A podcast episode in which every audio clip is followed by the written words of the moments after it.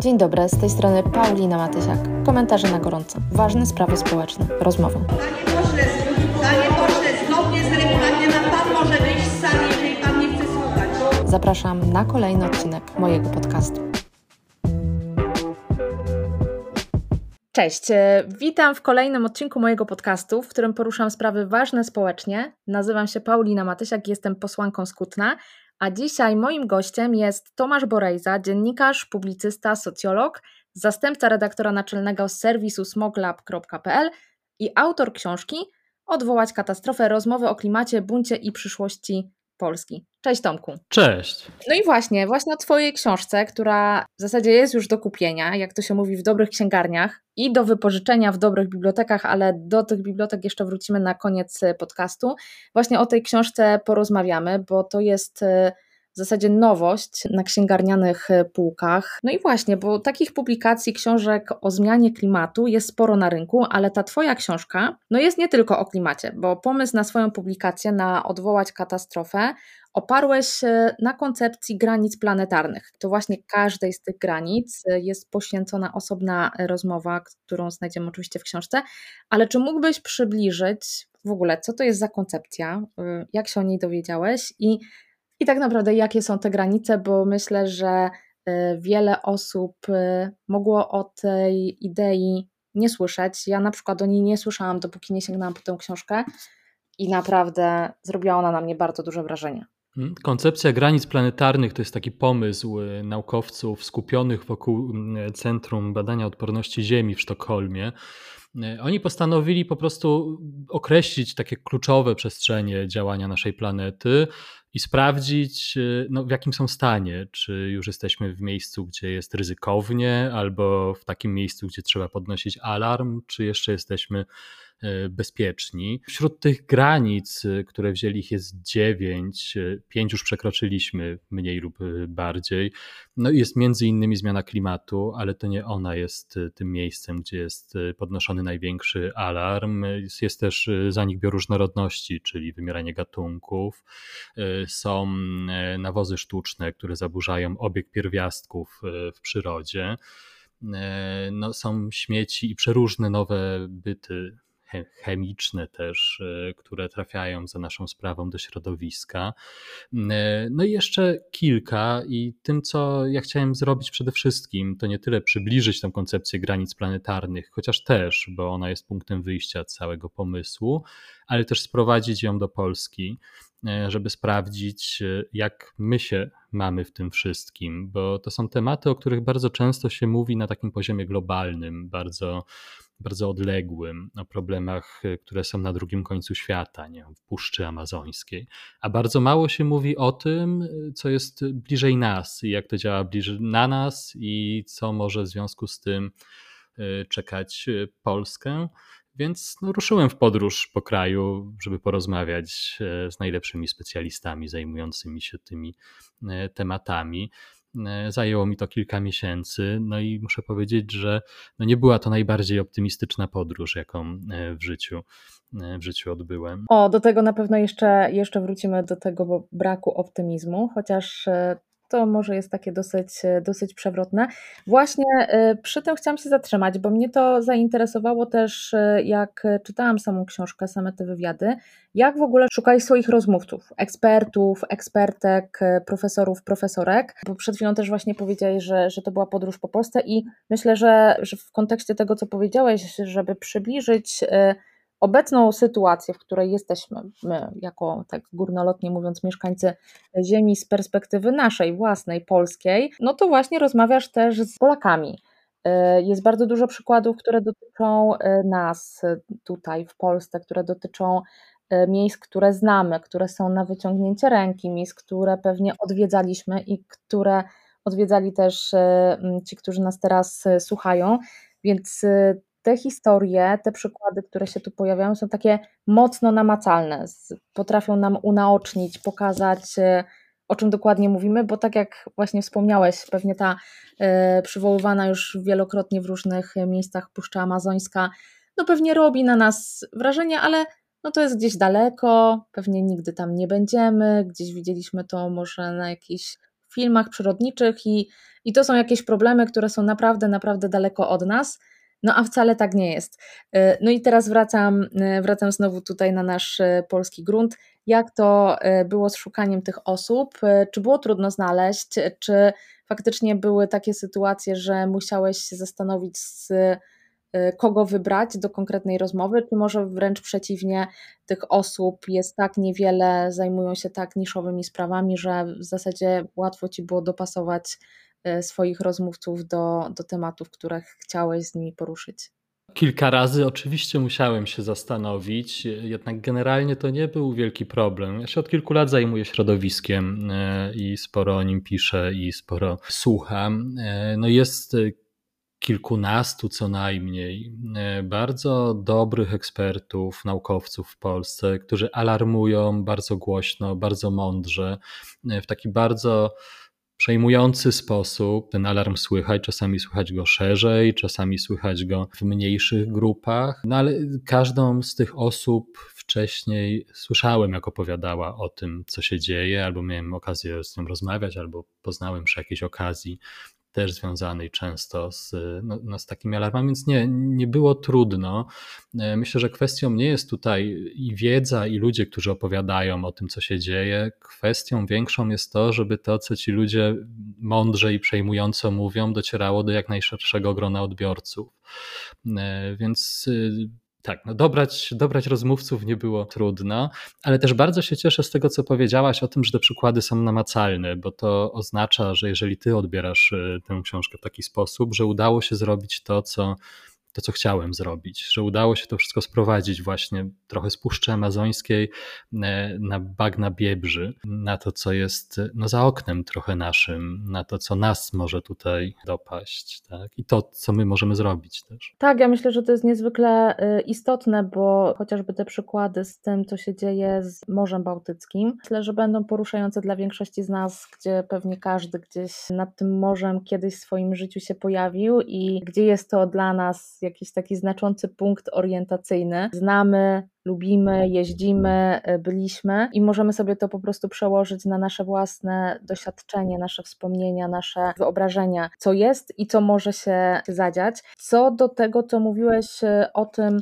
e, że kluczowe jest to, żeby, żeby jak najszerzej trafić, to myślę, że poza tymi przykładami, i takim kontekstem i odniesieniem do tego, co, co najlepiej znamy, co dla nas jest najbardziej czytelne, to na pewno zaletą też e, tej książki jest to, że ona jest napisana w bardzo zrozumiały sposób. I oczywiście część e, tych rozmówców, naukowców, no, korzysta ze swojej naukowej nomenklatury. E, pojawiają się różne jakieś sformułowania, terminy. Natomiast one zawsze są w bardzo prosty sposób wytłumaczone. Ty się też o to dopytujesz. Jesteś takim wiesz, adwokatem kogoś, kto, kto niekoniecznie w ogóle ma o tym pojęcie i, i wydaje mi się, że to jest, to będzie bardzo dużą zaletą tej książki, bo ten próg wejścia, żeby się dowiedzieć, co się dzieje, nie jest wysoki i moim zdaniem to jest największa zaleta y, tych rozmów, bo można tę książkę czytać oczywiście po swojemu, nie po, nie, pewnie niekoniecznie po kolei, można sobie dobierać y, tematami, czy tym, co nas najbardziej e, interesuje, patrząc na spis treści i na poszczególne granice, bo tak jest, jak już mówiliśmy, ta książka skonstruowana, ale właśnie to, że ona jest napisana takim zrozumiałym językiem. E, myślę, że to może być dużą zaletą. I też to, co, o czym mówiłam, na, do czego nawiązywałam na początku, że to nie jest książka tylko o klimacie, bo no właśnie, zmiany klimatu, globalne ocieplenie, mam takie poczucie, że jednak przebiło się już do świadomości. Bardzo wiele osób o tym mówi. Oczywiście niekoniecznie ma to przełożenie może na jakieś takie duże działanie, które y, w tym momencie coś zmienia, ale gdzieś na poziomie, nie wiem, deklaratywnym, takiej diagnozy sytuacji wiemy, że to jest, że samych denialistów jest coraz mniej. Zresztą chyba w, w rozmowie z profesorką Binczyk, ona sama to mówi, że już takich osób nie ma, że te strategie dyskredytowania tej teorii nie opierają się na tym, że ona jest nieprawdziwa, tylko w inny sposób ci przeciwnicy próbują to robić. Ale te wszystkie inne tematy, o których mówiłeś na początku, czyli te granice związane na przykład z bioróżnorodnością, z tymi nowymi substancjami i nawozami i tym, w jaki sposób one zmieniają też nasz świat i jakie to może mieć duże znaczenie i jak bardzo te różnego rodzaju systemy są połączone. Myślę, że dla wielu osób to będzie bardzo też odkrywcze, takie, że Ojej, nie myślałem, nie myślałam o tym w ten sposób. I też tutaj y, pojawia się sporo takich, powiedziałabym, te, takiego rozbrajania pewnych, pewnych mitów, bo, bo nawet ci twoi rozmówcy też, y, też w taki sposób tłumaczą pewne sytuacje, bo, no bo faktycznie z takiej perspektywy zwykłego szarego człowieka, jak ktoś sobie myśli, no dobra, no i, i co z tego, że nie będzie komarów? No to chyba lepiej, tak? Przyjemniejsze letnie wieczory po prostu przed nami. Okazuje się, że, no, że to tak nie wygląda do końca. No tak, nie wygląda tak, bo to wszystko jest rzeczywiście niesamowicie powiązane i też zmiana klimatu jest powiązana z zanikiem bioróżnorodności i nadużywanie e, nawozów sztucznych, e, ze wszystkim wszystko się przeplata, wszystko jest skomplikowane i te relacje są tak bardzo złożone, że my ich po prostu tak do końca nie rozumiemy, a mimo wszystko igramy z nimi e, w poczuciu tego, że jesteśmy w stanie nad tym wszystkim zapanować. Ale jeszcze wrócę do komplementu, który od ciebie usłyszałem, czyli tego, że jest prosto i przystępnie. To, to bardzo miło, bo to też było założenie pracy nad tą książką, że tak ma wyglądać. E, żeby ten próg wejścia, jak to nazwałaś, rzeczywiście nie był, nie był wysoki. Jest taka anegdotka o bardzo znanej książce z lat 70., bombie populacyjnej e, Paula Ehrlicha. E, ona była absolutnym bestsellerem w Stanach, jednym z nielicznych, jak chodzi o środowisko w tamtych czasach, i była super prosta, właśnie. On to osiągnął tak, że poprosił o przeczytanie brudnopisu swoją dziesięcioletnią córkę, której za to zapłacił 50 bodajże dolarów, o ile dobrze pamiętam. E, no i wprowadził wszystkie poprawki i odpowiedział na wszystkie pytania, które zadała w czasie w czasie lektury tej książki. E, no ja niestety nie mam dziesięciolatki, więc e, nie mogłem się posiłkować nią, bo moja córka jest jeszcze za młoda na to, żeby książkę tak sprawdzić, ale trochę poszedłem tym śladem i poprosiłem o pomoc kolegę dziennikarza, o którym już ma świetne wyczucie tego, co jest zrozumiałe i przystępne i, i może być zbyt skomplikowane i bez żadnego obciachu mówi mi, które słowo jest na przykład za trudne albo słownik wyrazów obcych każe usuwać z rozmów. No i to też trochę jemu zawdzięczam, że, że, że, że udało się rzeczywiście trochę uprościć i e, zbliżyć, mam nadzieję, e, mam nadzieję, tę naukową opowieść. No właśnie, o super skomplikowanym świecie, e, nad którym czasami próbujemy zapanować, a czasami nam to nie wychodzi.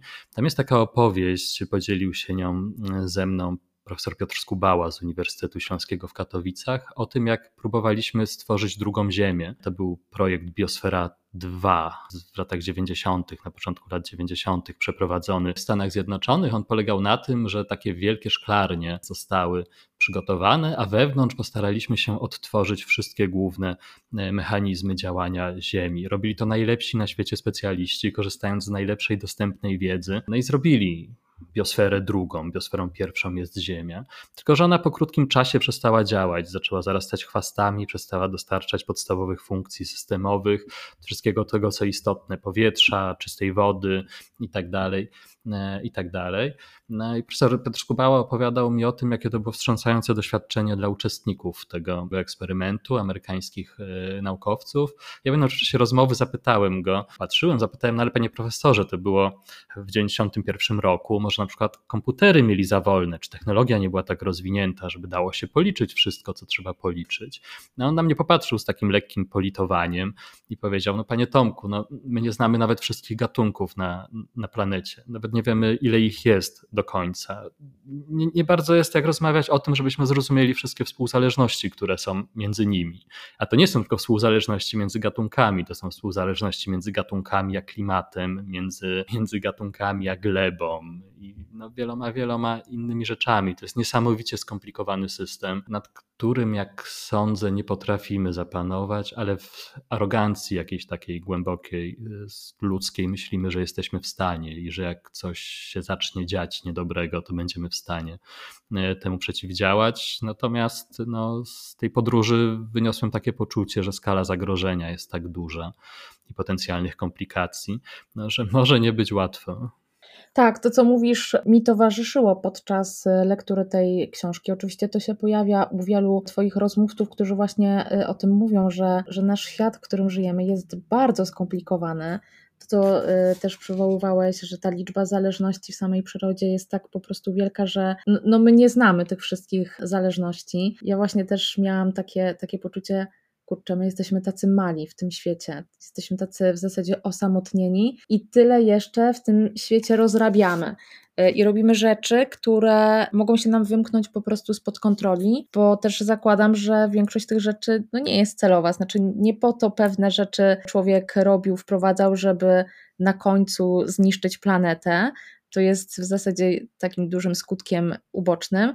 No tylko pytanie, czy, czy taka sprawa, która jest do rozwiązania, co robimy w sytuacji, kiedy już wiemy, że tak mocno jako gatunek nabroiliśmy, że tak e, dużo samych problemów na siebie wprowadziliśmy, bo tych rozwiązań nie widać. One bardzo często są na takim poziomie diagnozy, dobrze opisane. Naukowcy podejmują ten temat, widzą, co się dzieje, i to są bardzo często takie nawet drobne rzeczy, drobne takie które my też y, obserwujemy, bo myślę, że każdy, kto, kto nas słucha i kto mieszka i kto żyje w Polsce, widzi, jak bardzo nasz świat już teraz, za naszego życia, ten dookoła nas się e, zmienia, jak jest coraz bardziej gorąco, jak mamy coraz częściej, w zasadzie już co roku mamy e, suszę, jak nie ma deszczu, znaczy jak już przychodzi deszcz, to zazwyczaj to są jakieś nawałnice albo ulewy i potem znowu są takie długie, długie momenty bez deszczu, co mi tylko uświadamia, że przecież jeszcze kilkanaście lat temu kilkadziesiąt w zasadzie, jeśli być y, uczciwą, kiedy byłam małym dzieckiem, to świat tak nie wyglądał. Znaczy wtedy faktycznie by, mieliśmy zimy, które były bardzo śnieżne i zamarzały stawy i, jakby te, te nawet dni ferii można było spędzać gdzieś na wyjeździe y, u babci podczas prawdziwej zimy. Były dni wiosną i też latem, kiedy potrafiło na przykład padać przez cały tydzień i pamiętam ten czas, bo strasznie się na przykład nudziłam w domu, bo nie można byłoby wyjść na zewnątrz.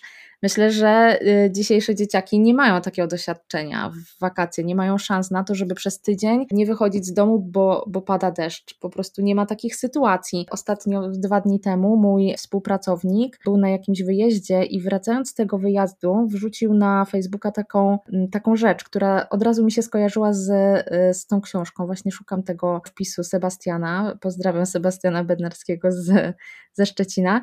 On napisał dwa dni temu dokładnie taką informację. Przejechałem dziś ponad 200 km drogami bocznymi i ekspresówką ani jednego martwego owada na samochodzie. Coraz lepiej idzie nam eksterminacja życia na Ziemi. I o tym też mówią Twoi rozmówcy, o tym, że znika coraz więcej gatunków, y, o tym, jakie to może mieć konsekwencje i jak ten system naczyń połączonych może po prostu się rozwalić tylko dlatego, że zniknie na przykład jakiś jeden gatunek jakiegoś owada, bo to nie jest tak, że może po prostu zniknąć i i system na to nie zareaguje, ale jak już zniknie jeden, drugi i trzeci, może się okazać, że będą gigantyczne problemy. No tak, to jest ta hipoteza wypadających nitów, y, taka opowieść, która wyjątkowo mi się też spodobała, jakoś bardzo do mnie y, przemówiła. To też profesor Piotr Skubała z Uniwersytetu Śląskiego. To jest taka koncepcja, która mówi, że nasz system planety jest jak samolot, y, z którego wypadają kolejne śruby czy kolejne nity. No i do któregoś momentu, jak te nity wypadają, to jest jeszcze wszystko w porządku.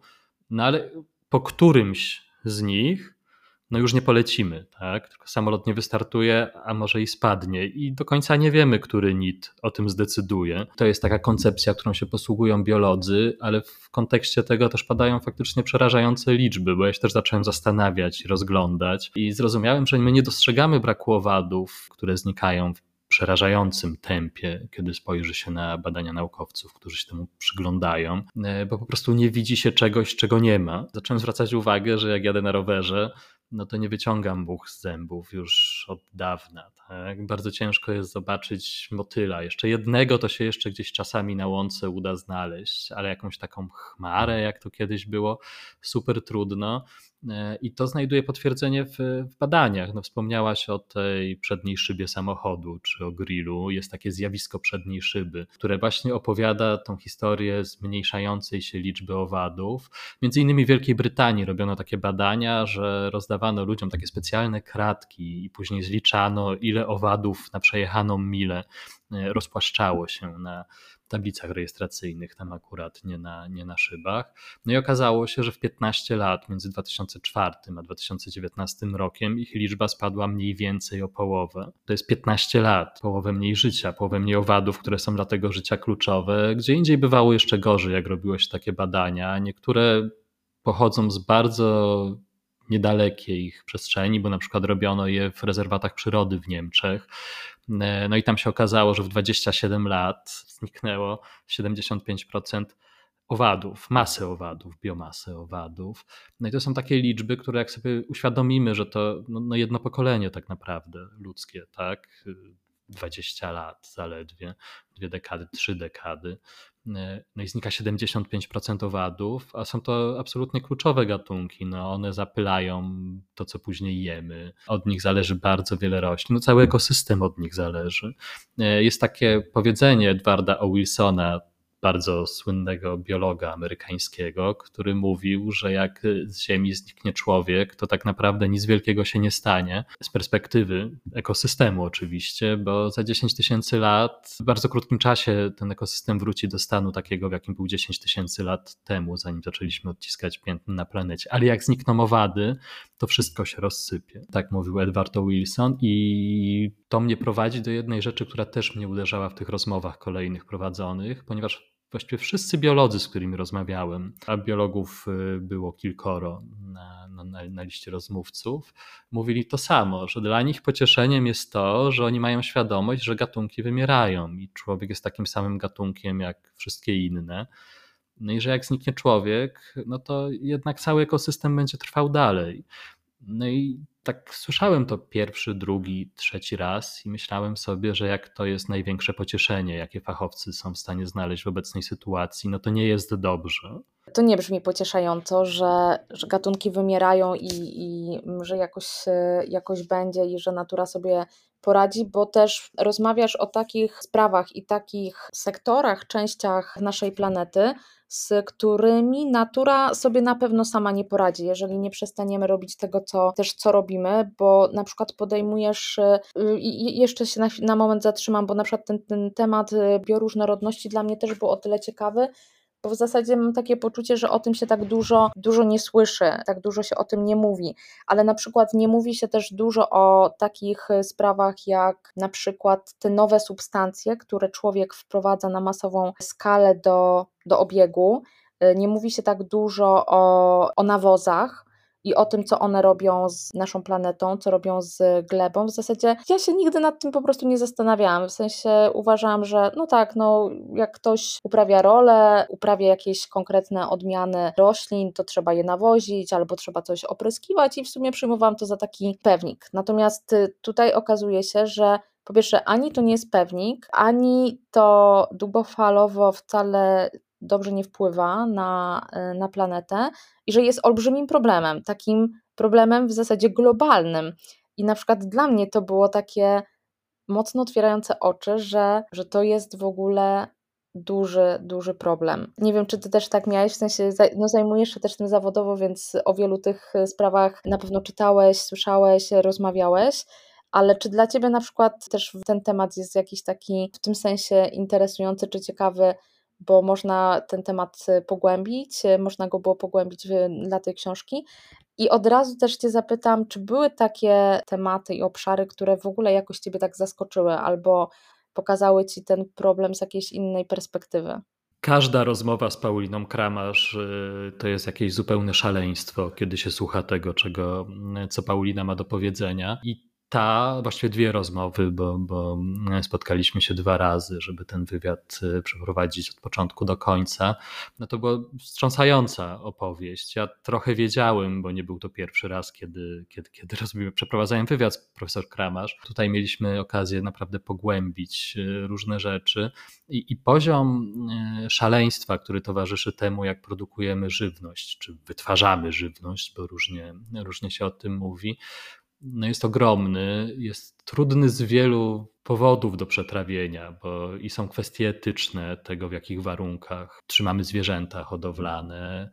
E, są kwestie związane z stanem środowiska naturalnego, nawozy sztuczne, o których wspomniałaś. To, e, no to też jest taka rzecz, o której właśnie się nie myśli, bo one są, ich się używa po prostu, bo, no bo je mamy, dlaczego mamy z nich nie korzystać, a używamy ich tak dużo, e, że zaczynają być w związku z tym bardzo liczne problemy w w różnych miejscach, pokazujące też czasami, jak bardzo jest to powiązany system, no bo te słynne zakwity sinic na Bałtyku, z którymi co roku E, spotykamy się albo na plażach, albo w mediach, e, jak one alarmują, że znowu nie wolno się kąpać, no to jest właśnie między innymi wynik tego, że nadużywamy nawozów e, sztucznych. Wylewamy je na pola w ogromnych ilościach, one z pól trafiają do rzek, rzekami spływają do morza, odżywiają tam organizmy E, które żyją w Bałtyku. No i zakwitają glony i zakwitają sinice. E, sinice tworzą później strefy beztlenowe w tym naszym polskim morzu, w których nie mogą żyć żadne zwierzęta. E, no i kończymy z Bałtykiem, który jest w wielu miejscach martwym morzem, a zaczyna się to gdzieś w fabryce nawozów sztucznych, co z kolei pokazuje, że też nie możemy się czuć specjalnie e, bezpiecznie, jak chodzi o produkcję żywności. Paulina za każdym razem powtarza, że niewiele trzeba, żebyśmy nie mieli co jeść, bo wystarczy, że jeden element tego systemu wypada. E, no i zaczyna się problem, a system jest super złożony, bo musimy mieć te nawozy sztuczne, które trzeba z czegoś wyprodukować.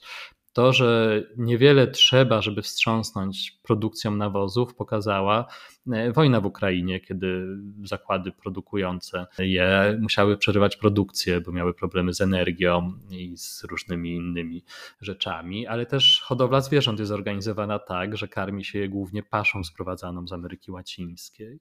Cokolwiek spowoduje, że pasza nie dojedzie z Ameryki Łacińskiej, no, powstaje gigantyczny problem. E, I taką super wstrząsającą rzeczą też, o której nie miałem pojęcia tak naprawdę, znaczy gdzieś z tyłu głowy może gdzieś, ale chyba nawet o tym nie słyszałem. Jest to, e, jak bardzo skomplikowany i trudny etycznie na przykład jest wybór tego, jak wybieramy weganizm, wegetarianizm czy, czy jedzenie mięsa dalej, no bo o ile z mięsem sprawa jest dość jasna i czytelna i większość osób wie, o co w tym wszystkim chodzi, no na przykład to, że krowy, które, e, mleczne krowy, które, dzięki którym mamy twaróg, sery i tak dalej, i tak dalej, e, przez całe życie nie widzą słońca, e, właściwie ani razu, to tego nie wiedziałem że to jest aż tak w większości. Trochę to jest też tak, że cały ten system i ten biznes spożywczy, wytwarzania mięsa, wytwarzania, no w ogóle też nabiału i tego skąd e, pochodzi mleko, no trzyma nas takiej po prostu wielkiej nieświadomości. Znaczy, myślę, że większość osób, którą byś spytał w supermarkecie, skąd pochodzi mięso albo mleko, to opowie ci taką wiesz, uroczą historię, że gdzieś koło jakiegoś domu, na jakimś wzgórzu pasą się jakieś krówki, i w ogóle wszystko jest super, i ludzie po prostu nie, nie wiedzą. Bardzo często myślę, że też nie chcą wiedzieć, jakby nie szukają, nie szukają tej wiedzy, ale to właśnie z tego wynika, z, jakby to jest w interesie tych, którzy zarabiają na tym. Oni nie informują o tym y, swoich odbiorców, swoich klientów, jak wygląda sytuacja, ponieważ na tym po prostu zarabiają, mogliby na tym stracić. Była przecież y, y, bardzo duża y, kampania społeczna dotycząca na przykład jajek i tych, w jaki sposób są one oznaczane i co te oznaczenia, o czym nas informują. I to wydaje mi się, że wywołało bardzo mocny, mocną zmianę, jeżeli chodzi o nasze nawyki konsumenckie, ale też zmianę, jeżeli chodzi o to, jakie, jajki, jakie jajka zamawiają duże, duże firmy, duże sklepy. Więc y, tutaj można było to zrobić. Nie wiem, czy dałoby radę to zrobić, jeżeli chodzi o, o nabiał, jeżeli chodzi o mięso. W, jak wyglądała świnia, którą będziesz jadł na niedzielnym obiedzie. Znaczy, nie wiem, czy ludzie w ogóle chcą słyszeć i dowiadywać się takich historii. Myślę, że mogą nie chcieć. No jest to trudne, tak? Nawet słuchanie tego jest trudne. To jest jakiś taki nasz świat i jeszcze do tego, no akurat tutaj coś możemy zrobić, tak? Bo akurat Paulina Kramarz e, spieszy z poradami na takim indywidualnym poziomie, chociaż też mówi, że konieczna jest zmiana systemowa. I jak o tym mówi, to pokazuje też dlaczego, tak? No bo zobacz, to jest tak mięso, które jest w sklepie, nie chcemy o tym myśleć, tak? ale mięso, które jest w sklepie, w większości pochodzi z ferm, e, z hodowli przemysłowych, w których warunki są straszne, a zwierzęta są e, karmione paszą z Ameryki Łacińskiej, pochodzącą e, w dużej mierze, są faszerowane antybiotykami, bo w warunkach, w których przebywają, muszą być faszerowane antybiotykami, bo inaczej by chorowały, choćby ze stresu. No ale teraz co? Powiedzmy, że rezygnujesz z jedzenia mięsa no to wcale nie zmienia się tak bardzo dużo pod tym etycznym względem, no bo znowu masz hodowlę przemysłową, tylko krów mlecznych, które e, to było dla mnie absolutnie wstrząsające. Raz, że nie widzą słońca, to, to już powiedziałem, a dwa, żyją 5 lat, podczas gdy na tej sielskiej wsi, o której ciągle myślimy, że ona istnieje, chociaż jest jej coraz mniej i coraz mniej, także w Polsce, e, żyją 20-25 lat, kiedy żyją w normalnych warunkach. No ale okej, okay, powiedzmy, że rezygnujesz jeszcze z, z nabiału, tak? To wcale nie jest znowu wszystko pięknie i ładnie, mówi Paulina, bo wtedy cierpią też na przykład dzikie zwierzęta. Pod migdałowce się wycina lasy, w których jednak te zwierzaki żyją, więc co nie zrobisz, to źle. I to pokazuje trochę szaleństwo tego świata, w którym, w którym żyjemy, i samo myślenie o tym no, nie napawa optymizmem i może przyprawić o ból głowy, ale akurat tutaj jest pewna rada i pewna odpowiedź e, od profesora Kramarz, y, która mi się bardzo podoba, jest mi też bardzo bliska, bo to są rzeczy, które chyba większość z nas myśli gdzieś lubi. I ona mówi, żeby nie myśleć, znaczy zmieniać system tam, gdzie się go da zmieniać, ale na takim indywidualnym poziomie. I kiedy chodzi o żywność, są dwa rozwiązania. Po pierwsze, trzeba jeść y, lokalnie, czyli kupować lokalnie na targach, starając się kupować w miarę od lokalnych rolników, y, nie za daleko będących od miejsca zakupów. No takie targi są prawie w każdym mieście, e, większych to zwykle po kilka, i żeby zacząć z powrotem jeść sezonowo, żeby ograniczyć to, że, e, no, że awokado staje się na przykład dla niektórych podstawą diety, które musi no, jednak kawałek świata do nas, do nas pokonać i że może e, warto wrócić do trochę takiego, do takiej normalności, jak ona mówi. No mnie to przekonuje, tak? że, że jest to niezła odpowiedź na całe to szaleństwo, ale też y, no, akurat Paulina jest jedną z takich osób, które najmocniej chyba podkreślają, że nie wystarczy zmiana indywidualnych zachowań, że rzecz y, w jakimś systemie, który nas wciąga i nie zostawia nam na przykład czasu na to, żeby się zastanowić nad tym, co robimy. A jak chodzi o żywność, to nie zostawia nam czasu, żeby kupować że jedzenie zdrowe, lokalne, sezonowe, no bo wszyscy jesteśmy w biegu, a w biegu najłatwiej jest kupić po prostu w najbliższym markecie. E, no i na ogół to robimy. Ten temat też chciałam poruszyć. Y, indywidualne wybory versus te, ta systemowa zmiana. Już tutaj odpowiedziałeś, to mi się też przypomina ta historia. Ona jest chyba właśnie w, w Twojej książce dotycząca y, plastiku. Tutaj ten temat śmieci, plastiku, mikroplastiku się też przewija. Tam padła taka historia o słomkach plastikowych, które E, zostały wyeliminowane ostatecznie na takie, które nie są plastikowe, ale zostało to podliczone i okazuje się, że to tak w skali globalnej to w ogóle nie jest jakiś wielki problem. Jeśli tego plastiku nie ma tak dużo. Jeżeli na przykład zestawimy to z plastikiem, który jest w sieciach rybackich, które są po prostu w oceanach, które są efektem połowu ryb, i w ogóle to dla mnie też było takie orety. Pewnie dlatego na co dzień nie myślę o sieciach rybackich, bo się tym nie zajmuję. Nie wypływam na morze, nie wypływam na ocean. A faktycznie, jak jestem w jakiejś kawiarni, to gdzieś tam do czynienia z tymi słomkami mam. I to jest jakby taki, wiesz, problem, czy sprawa, czy rzecz, która jest na wyciągnięcie mojej e, ręki. A okazuje się, że tak naprawdę, no nie dość, że mamy problem właśnie z przełowieniem, że tych ryb nie ma. Zresztą Właśnie, to jest taka ciekawa uwaga. Miałam ostatnio, tydzień temu na posiedzeniu w Sejmie tę książkę i ktoś ją zobaczył, jakiś poseł z prawicy, ale już nie będę podawała nazwisk, i jakoś on tak sobie przekartkował, otworzył, otworzył tę książkę, gdzieś tam na jakimś fragmencie z, właśnie dotyczącym zwierząt, dotyczącym ryb i padła taka, taka uwaga ze strony tej osoby, że ale co to za problem, przecież oceany to w ogóle tam jest tyle tych ryb, że po prostu wystarczy dla kolejnych pokoleń. Ja tak sobie patrzę, mówię, no właśnie nie, właśnie nie ma tam ryb, jest coraz mniej. W ogóle o czym ty mówisz? I to jest trochę też taka kwestia, że wielu osobom brakuje też po prostu wiedzy, że, że ta ich wiedza, przekonanie o e, świecie zewnętrznym bierze się z jakichś nieprawdziwych informacji, z jakichś przestarzałych informacji, nie są na bieżąco i to też jest duży problem. Myślę, że ta książka właśnie ze względu na to, że wiele takich szufladek e, otwiera, stereotypów rozbraja, właśnie to jest też duża zaleta tej książki, bo tam są takie właśnie konkretne przykłady i one jednak dają do myślenia mocno. No i jak chodzi o słomki, to mnie tam e, chyba najmocniej uderzyła z tych wszystkiego taka opowieść, którą mi Maciej Grodzicki, to ekonomista z UJ-u jest, nie opowieść, tylko na co mi zwrócił uwagę. Powiedział, zobacz Tomek, wszyscy zmieniamy te plastikowe reklamówki na torby wielorazowego użytku. Tak? Bierzemy sobie te torby bawełniane, niebawełniane, jakich tam nie mamy, takie bierzemy. No i idziemy z nimi do sklepu dumni i zadowoleni z tego, jak dużo zmieniliśmy. Tak? Wszystkim się to podoba, że już śmieci tyle nie robimy, trzeba płacić. No ale idziemy do tego sklepu, do jakiejś sieciówki i pakujemy jedną rzecz w plastiku, drugą rzecz w plastiku, trzecią rzecz w plastiku, tak? I przynosimy do domu torbę pełną plastikowych pudełek, które trafiają do kosza. Jednocześnie... Bawełnianą torbę pełną plastiku, Właśnie, tak. nie? plastikowych opakowań. No i co zmieniło tak naprawdę w kontekście tego to, że zmieniliśmy torbę. Nie? Jakiś ułamek problemu zupełnie, ale wszyscy się czują, jakby ten problem był rozwiązany. No, no nie jest, tak? Wiele można o tym powiedzieć, ale on nie jest rozwiązany.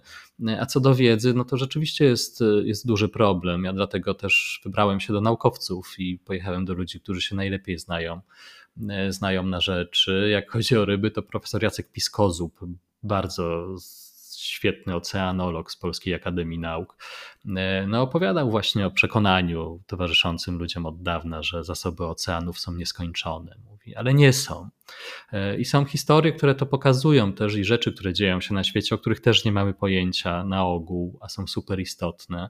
Na przykład nie wiemy, że Chiny przełowiły większość łowisk w okolicy swoich granic i aktualnie chińskie kutry pływają po e, wodach międzynarodowych, dopływając wręcz do granic zwykle terytoriów różnych, e, różnych krajów na morzu. No i tam przeławiają łowiska. E, wyławiają co się da i płyną dalej w kolejne miejsce, zostawiając za sobą taką morską pustkę. To bardzo świetnie opisał e, któraś z amerykańskich gazet, New York Times albo Washington Post w ubiegłym roku. E, nie pamiętam teraz nazwy. Właśnie przeprowadzili dziennikarskie, dziennikarskie śledztwo korzystając z narzędzi Google'a, pokazując jak chińskie kutry opływają te, te wody terytorialne, czyszcząc absolutnie zasobów ryb, e, no bo Chiny są głodne, Chiny potrzebują e, dużo, dużo jedzenia, więc jeżeli mogą je zdobyć w taki sposób, to to, to, to robią. E, same te obrazki satelitarnych zdjęć no, dają wyobrażenie i są wstrząsające, powiedziałbym. Także nie, zasoby właśnie nie są nieograniczone. To, to co mówisz o tak, tych jak... głodnych Chinach i tych takich nienasyconych, może to jest lepsze określenie, nienasyconych, też mi przypomina taką opowieść, y, z mm, anegdotę z Twojej książki o tym, że w Chinach powstaje największa ferma przemysłowa, już nie pamiętam, czy chodzi o świnie, czy o krowy, na jakąś po prostu nie, w ogóle dla mnie to jest niewyobrażalna jakaś liczba, kilkaset tysięcy zwierząt w jednym miejscu, czy nawet więcej. No te liczby są ogromne, które się, które się tam pojawiają. Ale to też y, właśnie warto pomyśleć przy takiej jednej gigantycznej fermie i pomyśleć o niej przez chwilę, bo już nawet nie chodzi, chociaż też chodzi o etyczną stronę całego tego przedsięwzięcia, ale pomyślmy, jak wielkie to jest ryzyko. Tak? Jak mamy elementarną wiedzę o tym, jak y, ewoluują bakterie na przykład, czy jak ewoluują różne różne mikroby. No to jeżeli, wiemy, że jeżeli ścieśnimy ogromną liczbę zwierząt y, na niewielkiej powierzchni, to to jest wymarzony, wymarzona przestrzeń do tego, żeby y, one się uodparniały na przykład na stosowane tam antybiotyki, zwłaszcza, że antybiotyków używa się tam bardzo dużo. Mają kontakt z antybiotykami, ewoluują, szukają odporności, zwykle ją zyskują, bo bakterie ewoluują bardzo szybko. A to tylko jeden ze skutków takiej formy e, produkowania czy wytwarzania żywności. E, też później to mięso, które jest nafaszerowane antybiotykami, gdzieś trafia do sklepów. E, też taka produkcja żywności powoduje ogromne absolutnie ogromne ilości zanieczyszczeń wysyła do, do, do, wszystkiego wokół. I coś, to też Paulina Kramarz właśnie mówiła, coś, co jeszcze 100-200 lat temu było takim zamkniętym cyklem obiegu natury trochę, znaczy kopią takiego zamkniętego cyklu, gdzie wykorzystywało się wszystko, już nie istnieje. Żeby nakarmić zwierzęta na przemysłowych hodowlach, wycinamy Puszczę Amazońską, bo tam się uprawia soję. E, odchody, które kiedyś były nawozem po prostu. Są no, gigantycznym problemem jest ich utylizacja, bo jest ich bardzo dużo, do niczego się nie nadają. E, nie tylko ze względu na warunki, w których te zwierzęta są hodowane, ale też na zawartość no, różnych szkodliwych e, substancji w sobie, no, też antybiotyków, których jest tam bardzo dużo. E, no i wszystko się robi jakieś takie kompletnie szalone, chociaż wiedzieliśmy jak to zrobić robiliśmy to przez wiele lat w taki sposób, że i działało, no i pod wieloma względami było lepsze, to gdzieś się wszystko zrobiło takie duże, też nas jest bardzo dużo. Każde działanie, które podejmujemy, przez skalę też, przez naszą liczbę, no, wywiera ogromny wpływ na środowisko i na, no i na wszystko wokół nas. Tutaj jeszcze jedna rzecz, bo tak opowiadamy o takich bardzo odległych od nas krajach, tu Chiny, Ameryka Południowa.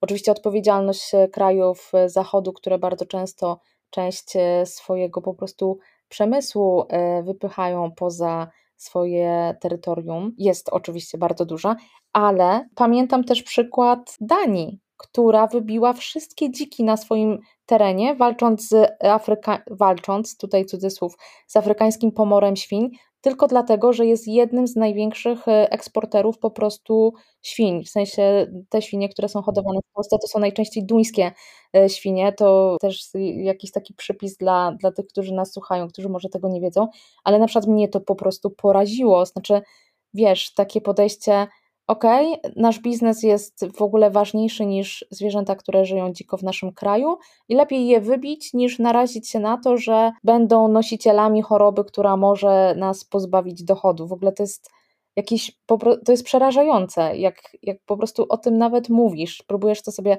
wyobrazić, a to po prostu się zadziało. Zadziało się gdzieś kilkaset kilometrów od nas, niedaleko nas, w centrum Europy i w ogóle większość ludzi nawet o tym nie wie. Znaczy, to nie jest temat. To jest niesamowite. To jest niesamowite, że to nie jest e, temat. Niesamowite jest też to, że o tym nie rozmawiamy z tak bardzo wielu powodów, y, że aż trudno je wyliczyć, bo zwykle, zobacz, że zwykle jak się mówi o właśnie przemysłowej produkcji żywności, to mówi się o kwestiach etycznych i to nie dziwi, bo warunki na tych fermach są po prostu straszne, ale to jest też po prostu wielki biznes, to jest też kwestia jakiegoś bezpieczeństwa żywnościowego, to jest kwestia no właśnie skażenia środowiska też, to jest kwestia tego, kto na czym zarabia, bo faktycznie jest też tak, że Duńczycy są dużym eksporterem, e, są dużym eksporterem świń i ten obraz polskiej wsi, na której e, jakby jest rolnik, tak, są świnki, te świnki mają świnki, prosiaki, te prosiaki dorastają i tak dalej, jak się to kręci,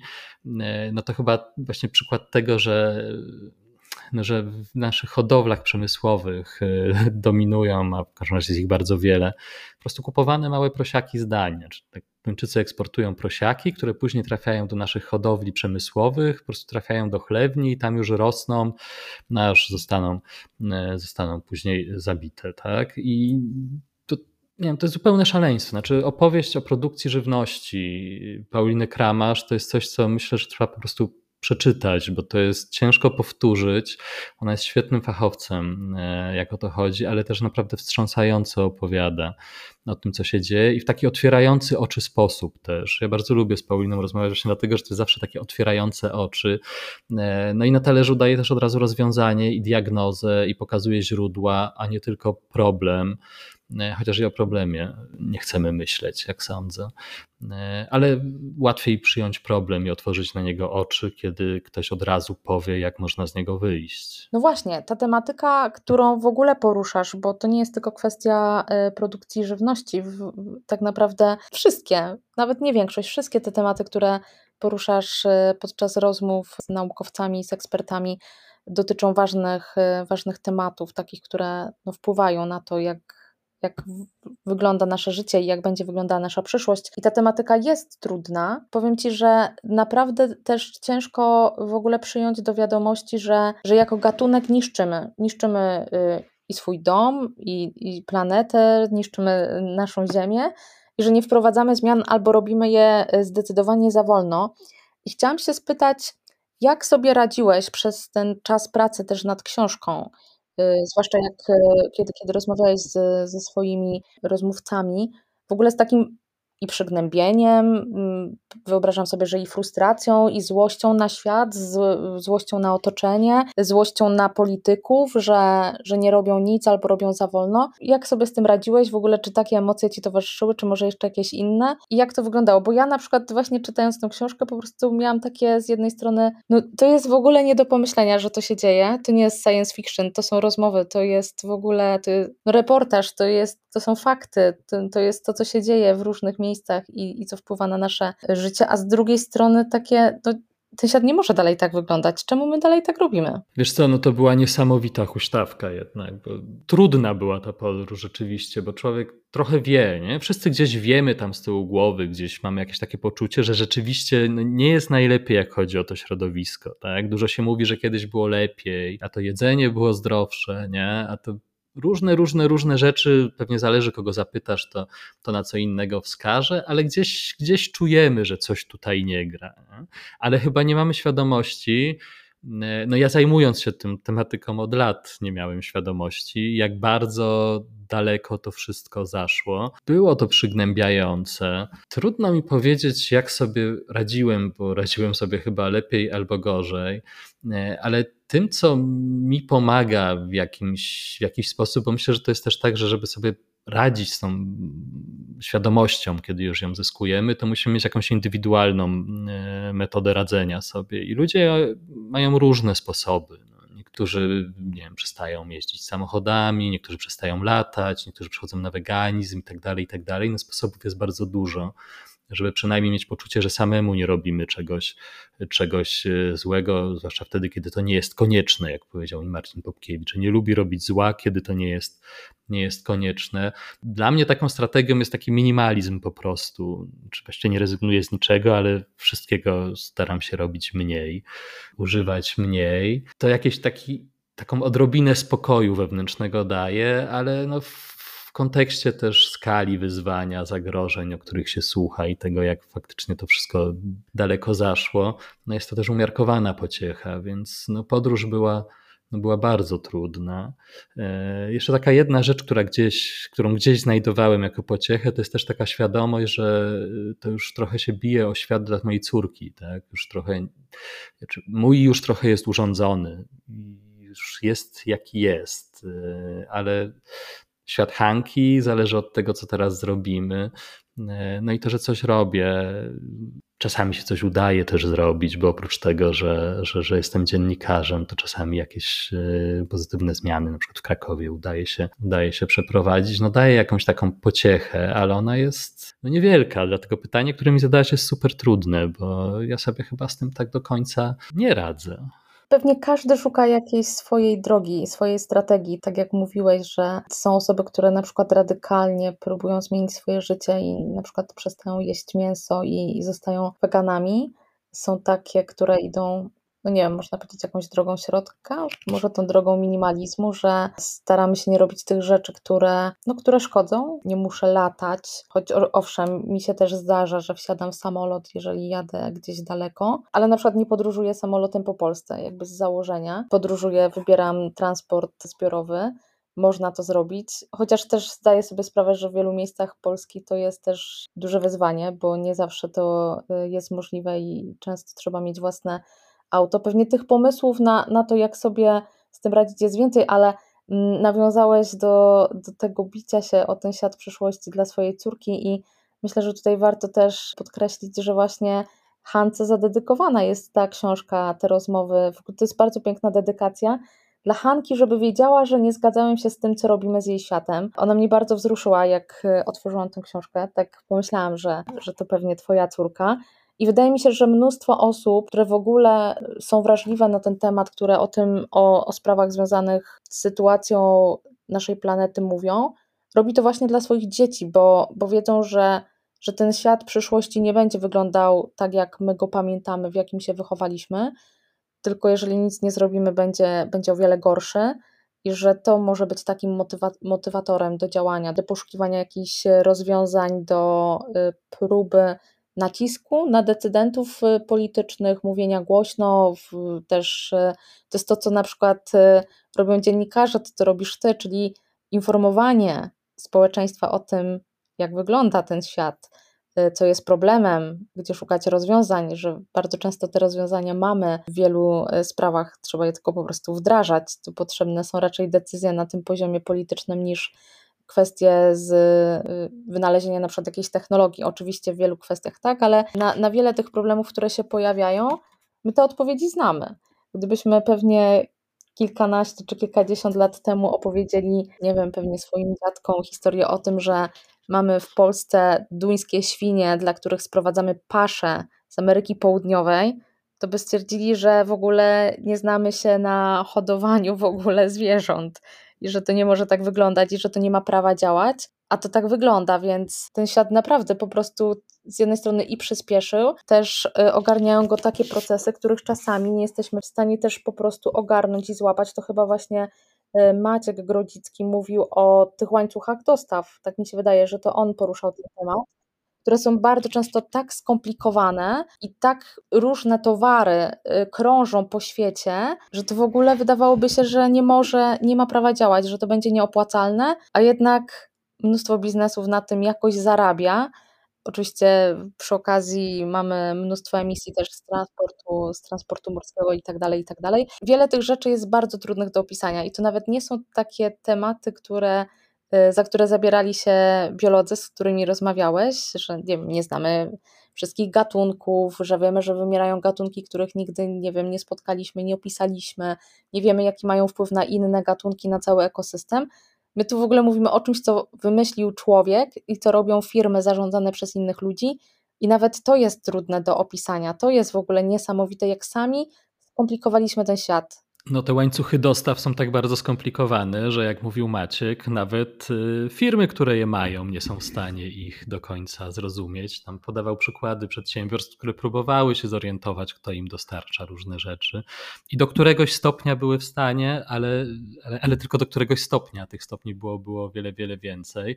No to jest, y, no to też jest jakieś takie szaleństwo współczesnego świata, bo znowu cokolwiek się nie wydarzy, y, łańcuchy dostaw mogą zostać dość łatwo przerwane no, widzieliśmy to przez ostatnie kilka lat już e, co najmniej dwa razy, jak niewiele trzeba, żeby to się wszystko zatrzymało. E, ale są też takie rzeczy bliższe i prostsze niż te łańcuchy dostaw. I jedna taka super ważna rzecz e, nam uciekła jeszcze w tej rozmowie, bo wspominałaś o suszy. Wspominałaś o suszach, które mamy każdego roku. E, I to jest e, też dla mnie jedna z bardziej wstrząsających rzeczy, które, które usłyszałem w czasie tej podróży po Polsce e, od profesora Wiktora Kotowskiego z Uniwersytetu Warszawskiego. E, mianowicie to, że my te susze robimy sobie sami po prostu. I nawet nie chodzi o to, że robimy je napędzając zmianę klimatu. To znowu jest bardzo skomplikowany mechanizm, który ma tam wiele zależności, wiele pośrednich elementów, może być trudny do zrozumienia i do przyjęcia, że to tak jest, ale my je sobie robimy po prostu w taki sposób, że no, niszczymy mokradła, e, które mają super istotne funkcje, że nadmiernie regulujemy rzeki, i znowu nadmiernie regulujemy rzekę, i z tego wynika ileś problemów w bardzo różnych przestrzeniach, bo nadmiernie uregulowana rzeka oznacza na przykład to, że wszystkie gatunki, które żyją e, na mokradłach, no, tracą swój świat e, no i giną, bo nie mogą żyć na tej, w, tym, w tym nowym. E, przygotowanym do tego, żeby, żebyśmy z niego korzystali. E, ale jednocześnie oznacza to też, że tracimy takie naturalne zbiorniki wodne, co powoduje, że woda szybciej spływa, szybciej spływa z pól uprawnych. E, no i mamy suszę, bo zwróć uwagę, że susze, z którymi mierzymy się w Polsce każdego w zasadzie roku, to są głównie susze rolnicze. To nie jest tak, że nie mamy wody Polsce mamy wodę, chociaż no, nawałnice, o których mówiłaś, też, też, te, też ostatnio dają się zauważyć. E, tylko my, ją, my, my nią tak gospodarujemy, że ona po prostu bardzo szybko spływa z kraju. I robią to sami, robimy to po prostu robiąc coś niemądrze.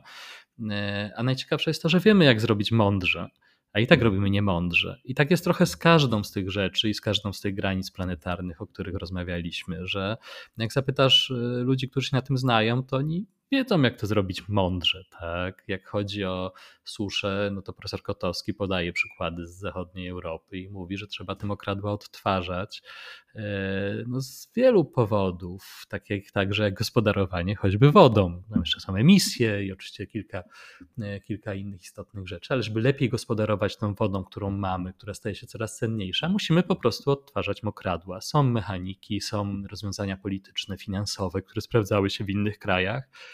Nie robimy tego, tak? Jak chodzi o wytwarzanie żywności, też wiemy, w jaki sposób można by było choć stopniowo i częściowo wrócić do mniejszych gospodarstw, które rządzą się innymi prawami jednak niż gigantyczny przemysł e, spożywczy.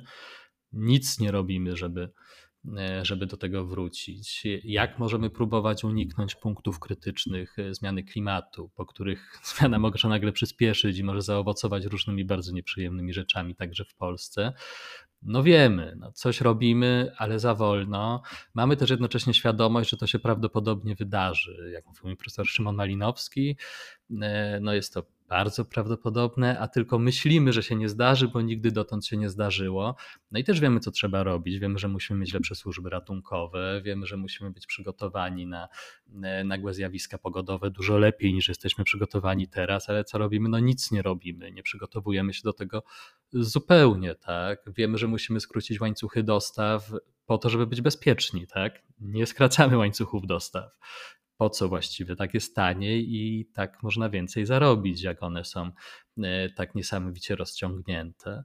E, wiemy, że potrzebujemy mniej konsumować i że właściwie pracujemy i zasuwamy często ponad siły i o wiele za dużo, żeby kupować rzeczy niepotrzebne, które szybko się psują, więc musimy kupować kolejne rzeczy niepotrzebne, które znowu szybko się psują, albo potrzebne, ale takie, które szybko się psują. Więc sprzedajemy swój czas po to, żeby kupować rzeczy, no, które które za moment trzeba wymienić na nowe, tak? I wiemy, jak zrobić, żeby one były trwalsze, jak wymusić to, żeby były trwalsze. No ale co?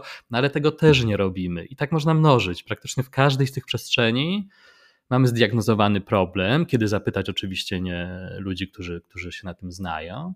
Wiemy, co można by było zrobić, no i po prostu tego nie robimy. I myślę, że może być tak, że nie będziemy tego robić do momentu, w którym no po prostu będziemy musieli zacząć to robić, bo już się nie będzie długo e, dało od tego uciekać, e, albo w ogóle się już nie będzie dało od tego uciec. Natomiast smutne jest trochę to, no, że my ten świat właśnie trochę niszczymy, nie trochę, niszczymy go przejadamy trochę dla jakiegoś takiego zysku, dla konsumpcji też tak naprawdę, bo trudno powiedzieć, że dla dobrego życia, tak? raczej dla, dla konsumpcji. Bardzo często po to, żebyśmy byli nieszczęśliwi. No tak. W sensie to, to wybrzmiewało w, też w, w takiej diagnozie naszego stanu w tych dwóch ostatnich rozmowach, głównie u e, w rozmowie z profesorką Binczyk. Ewę tutaj serdecznie pozdrawiam, natomiast e, dla mnie świetnie, że ta rozmowa była na samym końcu tej książki, bo to była chyba rozmowa, która dawała najwięcej nadziei, takiego zapału i takiej, e, takiej zachęty do tego, żeby walczyć i, i zmieniać ten nasz świat,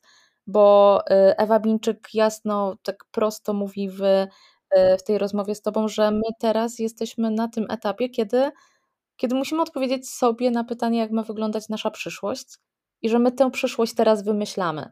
I i moim zdaniem tutaj jest właśnie bardzo dużo nadziei w tym, że my sobie tę przyszłość wymyślamy, bo możemy ją wymyśleć dobrze, możemy ją wymyśleć, tak jak mówiłeś przed chwilą, mądrze, bo, bo mamy te mądre rozwiązania, które po prostu trzeba zacząć wdrażać i zacząć je y, stosować.